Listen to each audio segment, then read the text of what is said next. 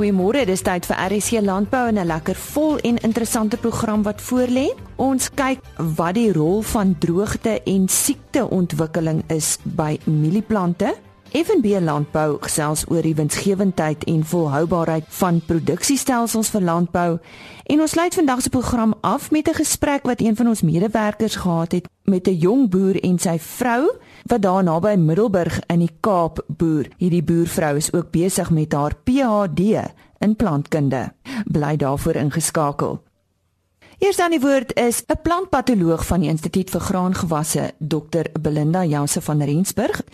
Sy adresseer die rol van droogte en siekteontwikkeling in mielieplante soos ons almal weet is temperatuur en reënval een van die belangrikste elemente in mielieproduksie.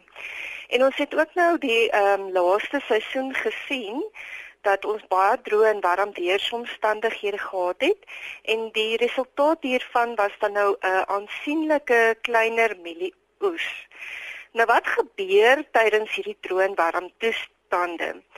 Ehm um, die huidmondjies van plante ehm um, sluit om sodoende transpirasie te beperk en dit het dan 'n negatiewe invloed op die blombestuiving en grondvol. Ehm um, die mate van plantskade sal ook afhang van die groei stadium en die tydsduur van die droogte.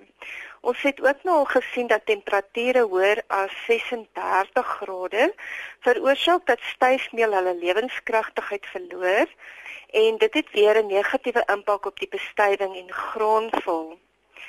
Ehm um, dinge so sonbrandskade kan byvoorbeeld die uh, blaaroppervlakte verminder en dit lei dan tot 'n afname in klorofielproduksie wat noodsaaklik is vir groei en saadvol. Ehm um, dan in erge droogte toestande kan ons ook sien dat spinmyte en stamboders vermeerder En hierdie insekte kan ook as vektore van swamme optree en dan nou sodoende siekte toestande in gestremde plante bevoordeel. Gee ons 'n voorbeeld van 'n siekte waarvoor eh, produsente moet oplet, Belinda. Um, een voorbeeld is byvoorbeeld uh eh, Fusarium verticilloides kopvrot. En hierdie kopvrot van mielies verkies droë warm toestande, ehm um, net voor of tydens bestuiving. Ehm um, nou hierdie swam kan ook mikotoksine produseer in die graan en dit kan nadelig vir diere en mense se gesondheid wees. Tipiese simptome waarvoor produsente kan uitkyk is 'n wollerige wit of ligte pink groei op pitte of uh, reg lang stambodervreet kanale. Op die oomblik het ons nie kultivars beskikbaar met weerstand teen hierdie kopvrot nie en geen swamdoders stof geregistreer nie. Ehm um, maar produsente kan daal van BT mielies gebruik maak om stamborders te beheer wat dan ook die verspreiding van die swam en die femonisine in die grond sal beperk. Nou ons weet dat opbrengs baie belangrik vir produsente is, maar wat gebeur met oordadige plante stand? Ons het nou al baie studies hierso gedoen um, op plante stand en ons het dan ook gesien wanneer plantdigthede vermeerder, um, die volgende grond minder is tydens oes in vergelyking met laer plantdigthede. Ons het ook dan swaminfeksie en femonisine produksie in grond gekwantifiseer um, wat afkomstig is van hoër plantdigthede. Watter ander eh, droogtegedrewe siektes moet produsente vooruitkyk? Ehm um, 'n voorbeeld wat ek hier kan gee is Diplodocus kopvrot. En hierdie kopvrot kan verwag word as daar droogte vroeg in die seisoen is, gevolg deur reën later in die seisoen. Tipiese simptome van Diplodocus is 'n wollerige wit swamgroei en infeksie vind aan die basis van die kop plaas. Ehm um, nou diplodia infeksies kan ook laat in die groeiseisoen voorkom as die vogpersentasie in die pitte laag is, maar hierdie simptome is gewoonlik minder ernstig van aard. Ehm um, diplodia epidemies kan tot groot oesverlies te lei En ek wil net hier noem dat dit nie ekonomies haalbaar is om swamdoders vir die beheer van diplodia te gebruik nie. Ehm uh, mielies is die enigste uh gewas of gasheer van diplodia en daarom sal gewasrotasie baie help en produsente kan hier sojabone, grondbone koring en droë bone gebruik om diplodia infeksies te verminder. Gedurende diplodia epidemie is dit beter om vroeër te oes om die verrotting van mieliekoppe in die land te verminder. Ehm um, dit sal ook raadsaam wees om stoppel te verminder aangesien die swam op stoppel in die land oorleef en dis plante in die nuwe groeiseisoen sal infekteer. As ek uh, nog 'n voorbeeld kan gee, um, kan ons bietjie kyk na houtskool stamvrot. Um, ons het al gesien dat houtskool stamvrot oesverliese van tot 70% kan veroorsaak. Dit word uh, aangetref in warm gebiede met temperature van 30 tot 42 grade Celsius met 'n lae grondvog. Hierdie siekte is dus hitte en droogte gedrewe en sal skaars in koeler klimate wees en veral in areas onder besproeiing. Ehm um, produsente kan hier uitkyk na die abnormale droging van boonste blare van die mielieplant net na blom en dan stamme wat omval. Wanneer die mielieplante fisiologies ryp word, kan daar gewoonlik in die eerste 5 stamnodes 'n tipiese swart verkleuring waargeneem word en dit is dan ook waar die swam die naam houtskool stamvrot vandaan kry. Ehm um, dit is dan nou onder stremmingsfaktore soos hoë plantpopulasies, uh, droogte gekombineer met 'n oormaat stikstoftoediening, haal of insekskade. Ehm um, wat houtskoolvrot se siektegraad drasties kan laat toeneem. Omdat hierdie swam in die grond oorleef op plantreste word dit dus maklik versprei deur meganiese implemente en ehm um, ons kan dus aan produsente aanbeveel om ook plantreste op die land te verwyder. Kat uh, soos rotasie met katoen en klein grane soos koring en roog sal die swam in die grond verminder. Nou ek weet eh uh, produsente het nie beheer oor die weer nie, maar daar is wel bestuursmaatreëls wat hulle kan toepas om hierdie siektes te probeer beperk. En ek wil graag produsente nooi met enige siekte navraag om die plantpatoloog te skakel by die LNR IGG in Potchefstroom. Hier net vir ons 'n algemene uh, skakelbord nommer uh, Belinda en herhaal hom net vir ons asseblief. Ehm um, ons skakelbord se nommer is 018 299 6100 en dan wil ek ook my kantoornommer gee is 018 299 6357. So dis 018 299 6100 of 018 299 6357 van die Instituut vir Graangewasse op Potchefstroom, 'n plantpatoloog, Dr Belinda Janse van Rensburg. Winsgewendheid en volhoubaarheid van produksiestelsels vir die landbou en veral vir somergraanproduksie sal ook hierdie seisoen besondere aandag verg te midde van stygende insetkoste en uitdagende produksietoestande. Henny Maas gesels nou hieroor met Dawie Marie, hoof van inligting en bemarking by FNB Besigheid en Landbou. O, oh, Dawie, dit is seker maar 'n moeilike vraag om oor produksie voor uitsig te praat. Maar maar kan jy so ietsie daaroor sê? En nee, ja, baie dankie. Uh dit lyk daarom of ons van jare beter produksie gaan jaar jare gaan hê as ons verlede jaar gehad het. As ons kyk na die intensies om te plant uh, wat so rukkie terug deur die oeskattingskomitee uit uh vrygestel is, dan lyk dit asof die uh, die area wat onder mielies geplant gaan word met 26% gaan styg. Uh en dit sal dan wees so 2,4 miljoen hektare. Uh as alles sojabone en sonneblomme bytel, gaan ons so amper so 3,7 miljoen hektaar plant. Nou gegee die die beter uh, weervoorsigte wat voorspel word, dink ek dat ons 'n baie beter produksieseisoen gaan hê as wat ons in die verlede gehad het.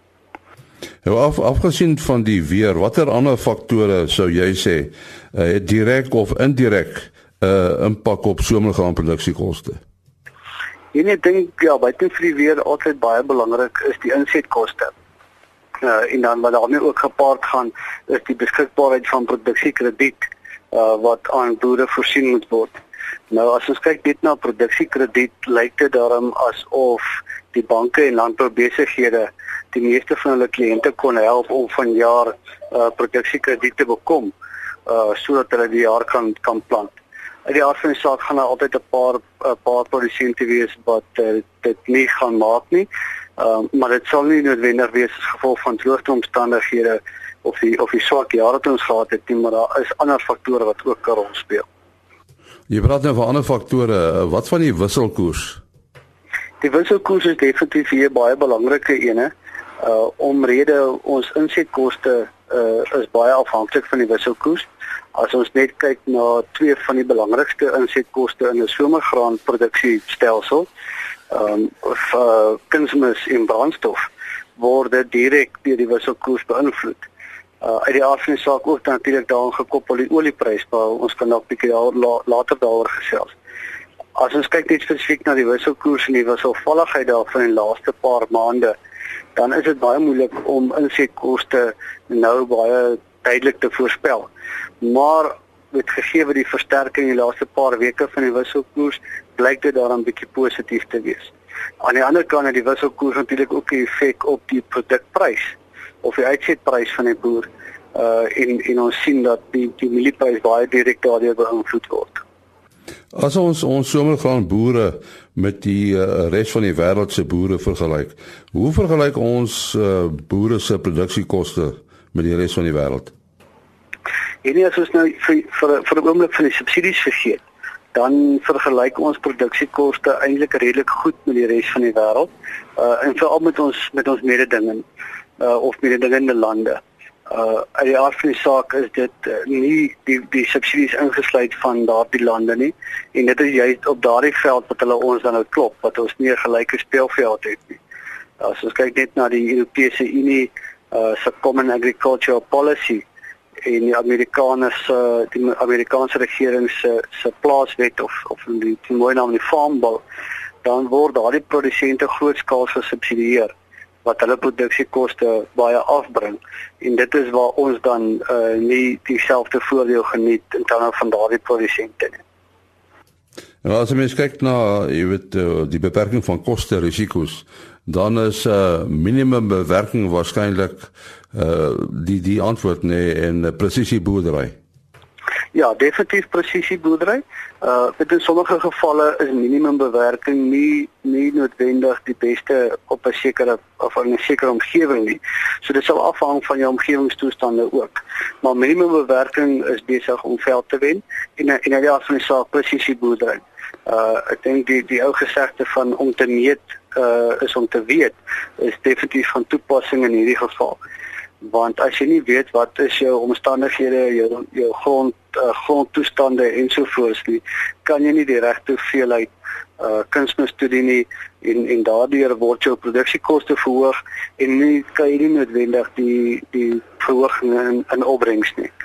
Uh so uh presisieboerdery is definitief uh die die pad om te volg. Investering tegnologie is natuurlik uh, gepaard gaande daarmee uh, wat ook met 'n koste uh, uh, saamkom. Dit is aan Dawie Marie, hoof van inligting en bemarking by FNB Besigheid en Landbou. En nou ons beloofde gesprek wat ons 'n medewerker in die Oos-Kaap, Karen Venter gehad het met 'n jong boer en sy vrou wat naby Middelburg in die Kaap woon. Ons is vandag hier so op Beskuitfontein. Dit is omtrent so 25 km buitekant Middelburg, Kaap. Yes. En ons kuier hier by 'n baie jong egpaartjie. Ehm um, dit is Stefan en Jolandi Erasmus. Hulle pa is ook Pieter Erasmus wat een van die direkteure van by OVK is. En dis so lekker om bietjie met jong mense te gesels wat boer. Ehm um, ek dink jy is omtrent 32. Albei van ons. Albei is 32 jaar oud. Jolandi is besig om 'n PhD te doen in plantkunde. En ek gaan haar nou nou 'n bietjie daaroor uitvra apart en dan het ons nou hierdie man in die huis wat so 'n bietjie vir ons wil vertel van hoe moeilik dit eintlik is vir 'n jong mens om in te kom in boerdery en die boekkennis te hê, maar dan kom die jong manne en hulle het nie die praktiese kennis nie en hy sê dit is waar hulle hulle baie keer nogal vasloop. So, ehm um, Stefan? Na na universiteit het ek plaas toe gekom en deur wat ek geleer het op die plaas, het ek besef die kennis wat mens opgedoen het voor jy plaas toe kom is baie relevant. Maak nie saak wat se kennis dit is nie. Ehm um, as jy 'n weekom geswat het, gaan jy versekersbasis kry daarvoor op die plaas. As jy 'n geneeswese geswat het, dieselfde. Maar die dag as jy op die plaas kom en die enigste rede hoekom ek dit kan sê is omdat ek daaroor ervaring self opgedoen het, weet jy baie min van boerdery. Of jy op die plaas groot geword het of nie, dit help, maar nie so baie soos mense sou dink nie. Die belangrikste ding wat die meeste help op 'n plaas is ervaring. En ervaring kry mens net op een manier en dis maar om foute te maak. Maar as jy daai foute moet maak terwyl jy al die risiko dra en al die finansiële besluite moet neem, dan is dit baie moeilik om 'n sukses te maak, want jy gaan baie foute maak wat jou baie geld gaan kos. As jy in 'n posisie is waar jy kan boer sonder dat die risiko ehm um, joune is, soos 'n bestuurder of vir jou pa soos ek gelukkig genoeg was om te doen dan stel dit jou in 'n posisie waar wanneer jy begin boer, jy mees van 'n groot foute of klaar geleer het of kon vermy het. En kan jy nou vinnig vir my sê een van jou groot foute miskien wat jy nou al gemaak het? Want jy sê jy het maar jy het uit jou foute uitgeleer. Ach, kom ons ek gaan nou nie 'n groot fout sê nie. Ek gaan net die een wat my baie maar daar's genoeg van hulle, maar uh, een van die stupid foute en daar's nie ander daar's nie Afrikaanse woord vir stupid nie is ons moes 'n ek moes 'n dompelpompie uit 'n uit 'n boorgat haal wat uh so 2 2.500 hektaar van water voorsien. Uh die waterkwaliteit is nie so goed nie, so elke nou en dan moet die pompie skoon gemaak word. In 'n geval, haal uit en sit hom buite neer en haal die die die uh deel van die pompie af wat ek moet skoon skoon maak en los uit die motor en als los ek nou net daar. In 'n geval maak skoon, sit alles in mekaar, vat hom terug. En toe so slimst ek was vir die pompie uithaal het ek al die skakelaars aangelos. So toe die pompie oorskakel op sy tydskakelaar, toe sit die motor nou daar bo op die grond en brand homself uit. So net so vinnige 10000 rand foutjie. So dis net 'n knoppie wat hy moet gedraai het op af, maar so net nie daaraan gedink het. En well, daar is nou versekerings en so aan, maar as jy jong boer is dan verseker jy ook nie alsie want jy weet nie daarvan nie. So iets leer jou versekerings is belangrik. Ehm um, of dan as jy nie versekerings het nie, okay, gelukkig betaal pa daarvoor of ek word uitgetrap deur my baas, maar ek hoef dan om die volle bedrag te betaal. Maar as jy nou op jou eie boer als is is is is klein toleransies met finansies en jy kom 'n paar sulke foutjies in 'n jaar oor. Voor jy weet is dit is dit verby.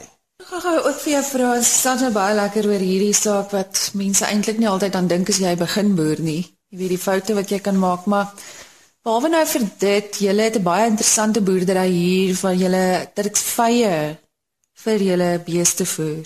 Wil jy gou vir my so 'n bietjie vertel oor dit? En miskien ook jy weet, ehm um, watse tipe veld het julle hier? Okay. okay, ons het redelik baie Turksvye. Ehm um, as ek so bymekaar tel, so 400 hektaar, 350 hektaar Turksvye. Ehm um, wat in die veld geplant is onder Karoo toestande. Ons ehm um, ons omgewing is baie naby aan 50% gras, 50% bossies. Wat ons in 'n unieke posisie stel in Suid-Afrika, ehm um, dan nie natuurlik net ons plaas nie, maar ons gebied dat wanneer dit droog word en wanneer dit winter raak, neem ons veldkwaliteit nie so ver af soos ehm um, van die hoër reënval suur suidervelde veldgebiede nie. Ehm um, ons het nog steeds daar 'n bietjie kwaliteit in ons veiding. Ehm um, en dan wanneer dit goed reën, dan is dit redelik gras. So, Wat tipe beeste en skape het julle hier? Ons boer met bonsmaras en merinos. En ons boer suiwer bonsmaras, geen kruisdeling nie. Ehm um, met die merinos het ons kruisdeling op al ons tweede siklus siklus oeye net sodat daai laaste siklus wat nou altyd 17 dae later aankom met die basserkrag bietjie vinniger kan groei en op dieselfde tyd bemark word. So ons kruis met dorme ramme, maar hulle word nooit deel van ons kudde nie. Hulle is dadelik voerkraal lammers wanneer hulle opgewig is. Wat ek net verder wil sê van die van die veld is wat die truksvye doen by ons is dit sluit mooi aan laat winter, vroeë lente. Karoo is mos maar wisselvallig. Ons kry baie keer ons eerste reën eers November, Desember en dan was die laaste reën April gewees of Maart gewees. So daai laaste Oktober maand word is bekend as die doodmaak maand. Ehm um, September die maar maak maand. So ehm um, vir daai tye sit ek my beeste wanneer hulle kalf, uh vers in Augustus, koeie in September en, en Oktober, sit ek hulle in die truksvye in. Hulle kan 'n redelike klein kamp, kan 'n groot trop loop vir baie lank en hulle kry net die swakste kwaliteit rifoer saam met die truksvye net om bietjie daai 80% water uh wat die truksvy is, daarom net 'n bietjie te bind en hulle bly in 'n kondisiepunt van 3 of 4 Ehm um, deur daai swaar swaar tye, sodra daai kamp opgevreet het, dan rus daai truksvy kamp vir die volgende 3 jaar. Jy gebruik hom nog met skape vir korter tyd, kort tydperke. Maar elke 3 jaar gaan jy terug na die truksvy kamp toe. Hy het weer uitgegroei en ons hoef nie dier lekker te voer nie. Inteendeel, ek voer geen lek vir enige van my beeste nie. Dis maar dis waarvoor ons die truksvye het. Uh ons plant met tyd plant ons truksvye aan, maar dis ook maar moeilik. Uh dit hang ook af van ehm um, van die van die toes, die, die klimaat op daai oomblik. Te nat, hou nie van nie, te droog, niks kan groei as dit te droog is nie. Ehm um, en natuurlik 'n jong truksvyblaartjie lok enigiets aan. Bobbejaan, kudu, steenbokkie, eystervark, als vreet hom op. So uh, omdat dit so ekstensief is, vat dit sekerlik bietjie langer vir die truksvy om dan groot te word. Voordeel daarvan wat nie maklik is nie, die veld waar mense aan die truksvye geplant het, rus basies vir 6 jaar voor jy hom weer kan gebruik. En dan kan jy hom net begin gebruik met jong skape, dan nader met groot skape. En dan eers hier by jaar 10 kan jy nou eers keer weer beeste daarin sit. Maar wanneer jy ingesit het, is die bedekking van daai veld totaal anders as voor die tyd. Dit is 'n moeilike besluit om te maak want om uh, kom ons sê 'n uh, 70 hektaar kamp te onttrek vir van jou beeste vir 10 jaar. Dis moeilik. Dis baie moeilik. Maar as jy dit doen van ons struksveilanings is nou al 50 jaar oud en min of meer dieselfde digtheid as wat waarmee dit begin het. So dit is 'n langtermyn ding. Ehm um, en vir ons sonder die truksvye sou my beesboerdery eintlik vir my nie die moeite werd gewees het nie. Dan sou dit eintlik maar net gewees het, alraai ek het 'n paar beeste. Nou elke afdeling op die plaas moet sy minimum 15% van die omset bydra en die beeste doen dit met gemak met minimale inset en dis waarvoor ek teel en dis waarvoor ons bestuur. Watse tipe Turksvy is dit wat julle hier kweek? Uh die spesifieke Turksvy sal ek die naam sal ek weer by Grootfontein uitvind want dis waar ons hulle gekry het, maar dit is 'n doringlose Turksvy wat gekweek is vir beweiding. En ek wil net by dit noem soos net nou gesê, ons probeer met ons beeste so ekstensief as moontlik boer. So om 'n truksvye op te kap en te maal en te droog en al die goed, dis als ekstra koste, ekstra tyd, ekstra moeite. En ons doen dit nie want tyd is ernstig belangrik en kapitaalinsette met 'n nuwe masjien of wat mens nodig het vir dit is baie nie die moeite werd as jy net die bees kan injaag, bietjie refoer en hy gaan net aan nie. Jolandi het plantkunde geswat en sy is in haar 3de jaar met haar PhD in die plantkunde. Sy gaan 'n bietjie vertel hoe werk dit om 'n boer se vrou te wees en so baie van die plante af te weet. Dankie Karen. Ehm um, ja, ek het voorgraads plant en dierkunde gestudeer en toe volhoubare benutting en restaurasie spesifiek van gedegradeerde of veld wat agteruit gaan en nou is ek besig met PhD ook oor veldbestuur van spekboomveld wat gedegradeer is en wil 'n spekboom weer terugplant en hoe om dit te bestuur want dit is waar die grys areas op die oomblik. Ehm um, hoe kom dit in by boerdery as jy 'n boer se vrou is? In die eerste plek om 'n PhD te doen terwyl jy 'n boer se vrou is, is nie maklik nie. Die PhD is soos 'n voltydse werk, maar die boerdery is jou tweede werk. En boerdery goed is altyd prioriteit, daar's altyd 'n krisis of dit nou personeelbestuur is en of dit 'n windpomp is wat breek en of dit jou man is wat iets dadelik by die koöperasie het, eintlik gister al nodig gehad het wat jy nou moet injaag, maar dis regtig 'n plesier en 'n kwaliteit lewe. En ek dink vir my die groot voordeel dat ek die veldkonsepte verstaan, die bestuurskonsepte verstaan, is ons regtig as 'n span kan saam boer. Dis hoe ek voel oor ons boerdery. Waar ander paartjies nie noodwendig so intrapslag gaan hê nie en nie dat dit reg of verkeerd is nie. Dit is vir ons spesifiek regtig tot voordeel. En ehm um, dit kan partykeer dalk vervelig raak vir ander mense, maar is 'n groot gemeenskaplike faktor tussen ons twee.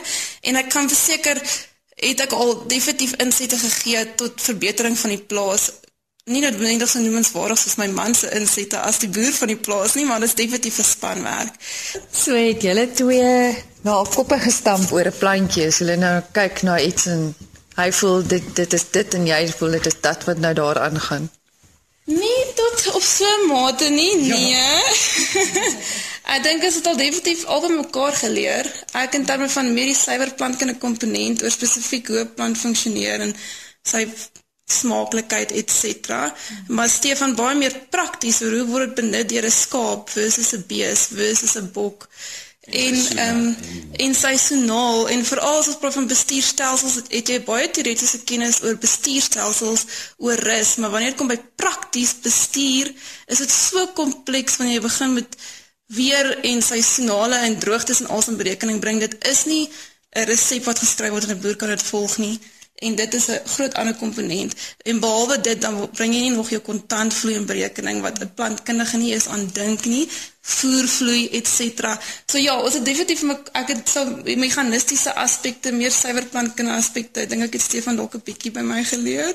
Maar in terme van die praktiese bestuur is dit regtig ek weet ek soveel meer. Ek dink ek is nou 'n baie beter plantkundige. Ek dink nie almal wat PhD's doen soos jy het die voorreg om dit eintlik so te leer nie, nee, is beide fasette, beide kante toe. En jy is spesifiek geïnteresseerd in die spekbome ook. Daar is ongelukkig nie vandag tyd om nou daaroor te gesels nie, maar wil jy jou nommer miskien gee as mense vir jou of vir Stefan wil kontak? Dit reg ons eers Stefan se nommer gee, so dis Stefan Erasmus by 082 4466908 en ek is Jolande Erasmus by 073 476 5422.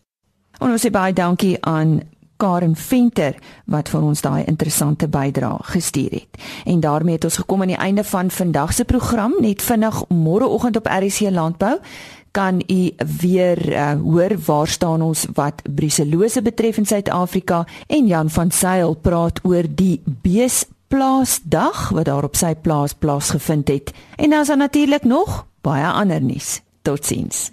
RSG Landbou is 'n produksie van Blast Publishing. Produksieregisseur Henny Maas. Aanbieding Lisa Roberts. En uitskoördineerder Martie Kerstyn.